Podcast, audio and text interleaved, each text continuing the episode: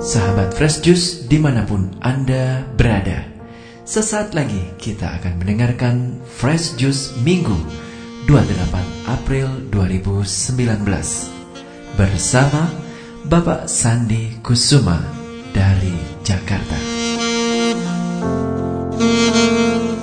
Semoga Fresh Juice yang kita dengarkan semakin menyejukkan dan menyegarkan jiwa kita. Selamat mendengarkan.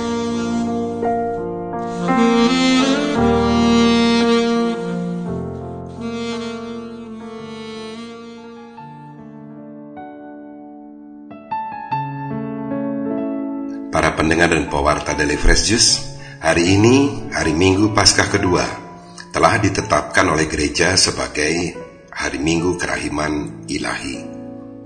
Gereja telah memilihkan bacaan dari Injil Yohanes pasal 20 ayat 19 sampai 31. Inilah Injil Yesus Kristus menurut Yohanes.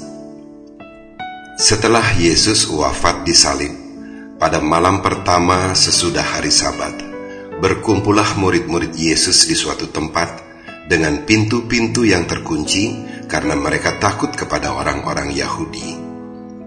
Pada waktu itu datanglah Yesus, berdiri di tengah-tengah mereka dan berkata, "Damai sejahtera bagi kamu."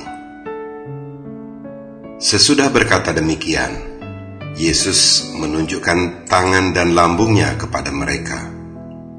Murid-murid itu bersuka cita ketika mereka melihat Tuhan.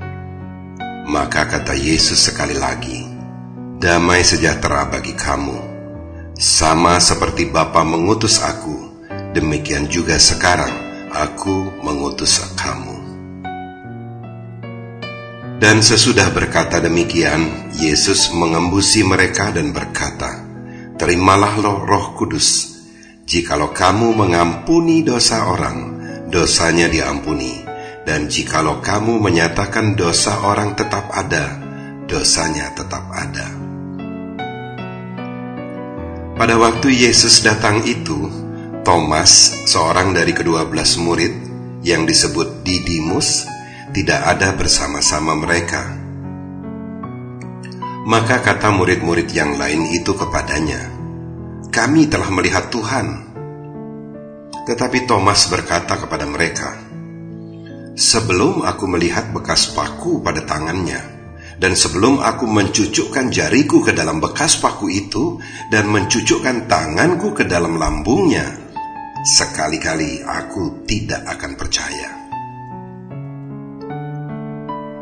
Delapan hari kemudian, murid-murid Yesus berada kembali dalam rumah itu, dan Thomas pun bersama-sama dengan mereka. Sementara pintu-pintu terkunci, Yesus datang. Ia berdiri di tengah-tengah mereka dan berkata, "Damai sejahtera bagi kamu." Kemudian Yesus berkata kepada Thomas, "Taruhlah jarimu di sini dan lihatlah tanganku." ulurkanlah tanganmu dan cucukkan ke dalam lambungku, dan jangan engkau tidak percaya lagi, melainkan percayalah. Thomas menjawab kepadanya, "Ya Tuhanku dan Allahku." Kata Yesus kepadanya, "Karena telah melihat aku, maka engkau percaya. Berbahagialah mereka yang tidak melihat, namun percaya." Memang masih banyak tanda lain yang dibuat Yesus di depan mata murid-muridnya yang tidak tercatat dalam kitab ini. Tetapi semua yang tercantum di sini telah dicatat supaya kamu percaya bahwa Yesuslah Mesias, anak Allah. Dan supaya oleh imanmu kamu memperoleh hidup dalam namanya. Demikianlah Injil Tuhan.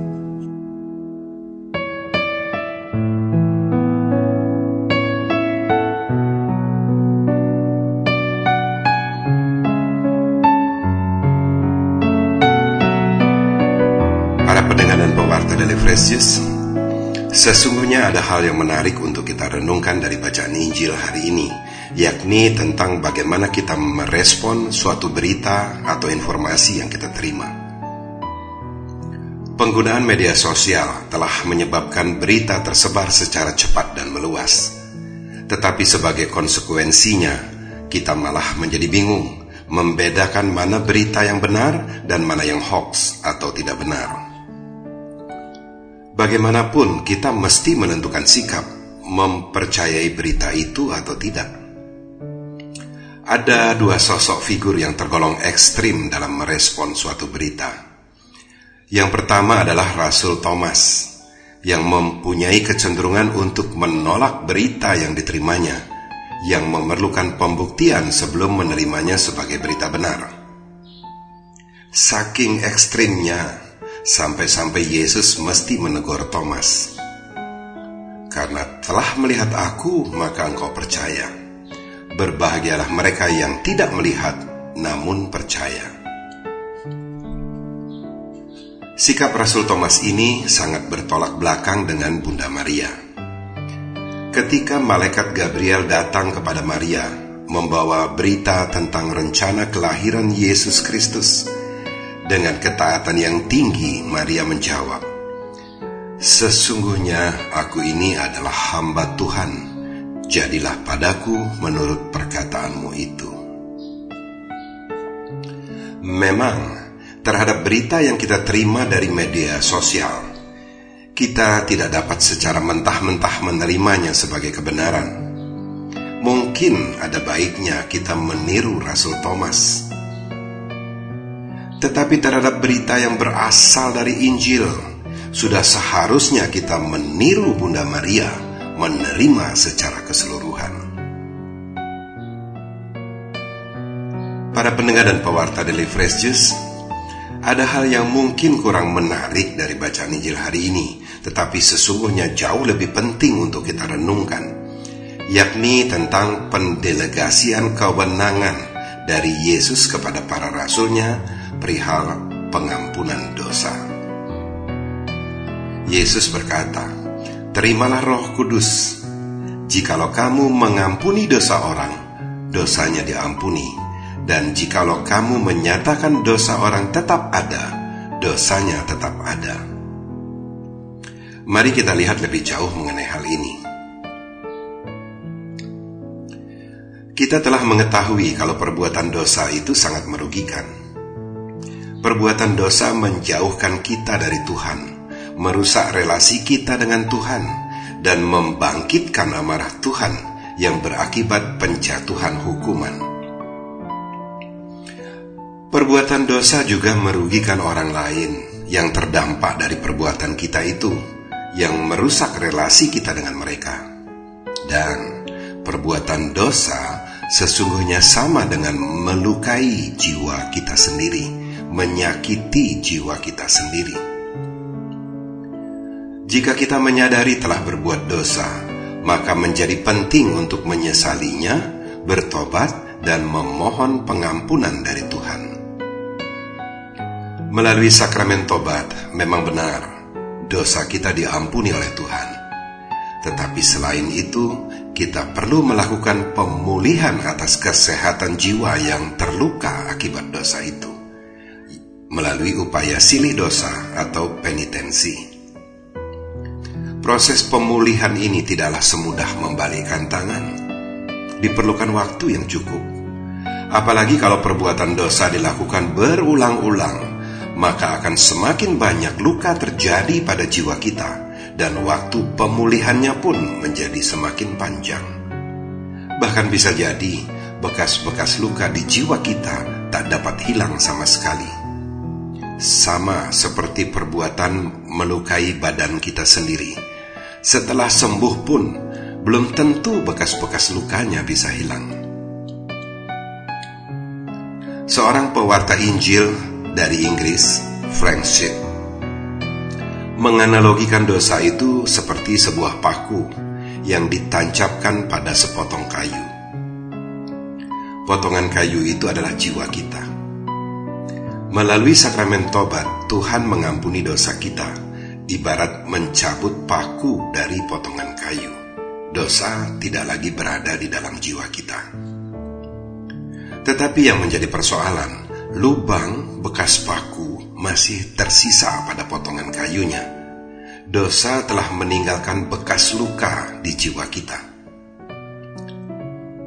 jika kita meninggal dunia dan masih menyisakan bekas-bekas luka di jiwa kita akibat perbuatan dosa, sekalipun dosa kita telah diampuni, kita tetap mesti melalui proses pemurnian di purgatorium melalui api penyucian agar kita layak hidup kekal di surga. Kita patut bersyukur Yesus telah mendelegasikan kewenangan Allah kepada para rasulnya sehingga gereja dapat membantu kita untuk mempercepat pemulihan atas bekas-bekas luka tersebut dihapuskan dari penghukuman akibat perbuatan dosa yaitu melalui proses indulgensi. Pada hari Minggu Kerahiman Ilahi hari ini, setiap orang Katolik dapat memperoleh indulgensi penuh, yakni dengan menerima sakramen tobat, menerima sakramen Ekaristi pada hari Minggu Kerahiman Ilahi ini, serta berdoa dalam wujud Sri Paus. Para pendengar dan pewarta dari Fresh Juice, kita semua berkeinginan untuk mencapai hidup kekal di surga. Untuk dapat mencapainya, kita mesti terbebaskan 100% dari dosa, termasuk bekas-bekas luka akibat dosa itu. Kita boleh saja membiarkan bekas-bekas luka itu, toh nanti akan dimurnikan di purgatorium. Atau, kalau kita mau, kita bisa memulihkan atau menghilangkan bekas-bekas luka dosa itu dimulai dari sekarang agar kelak kita tak perlu singgah di purgatorium. Kita patut bersyukur Tuhan telah menyediakan tempat bagi kita di surga. Dan Tuhan telah menunjukkan kepada kita jalan menuju ke situ. Maka, marilah kita berjalan di jalan itu agar kelak sampai di tujuan kita. Amin. Sahabat Fresh Juice, kita baru saja mendengarkan Fresh Juice Minggu 28 April 2019.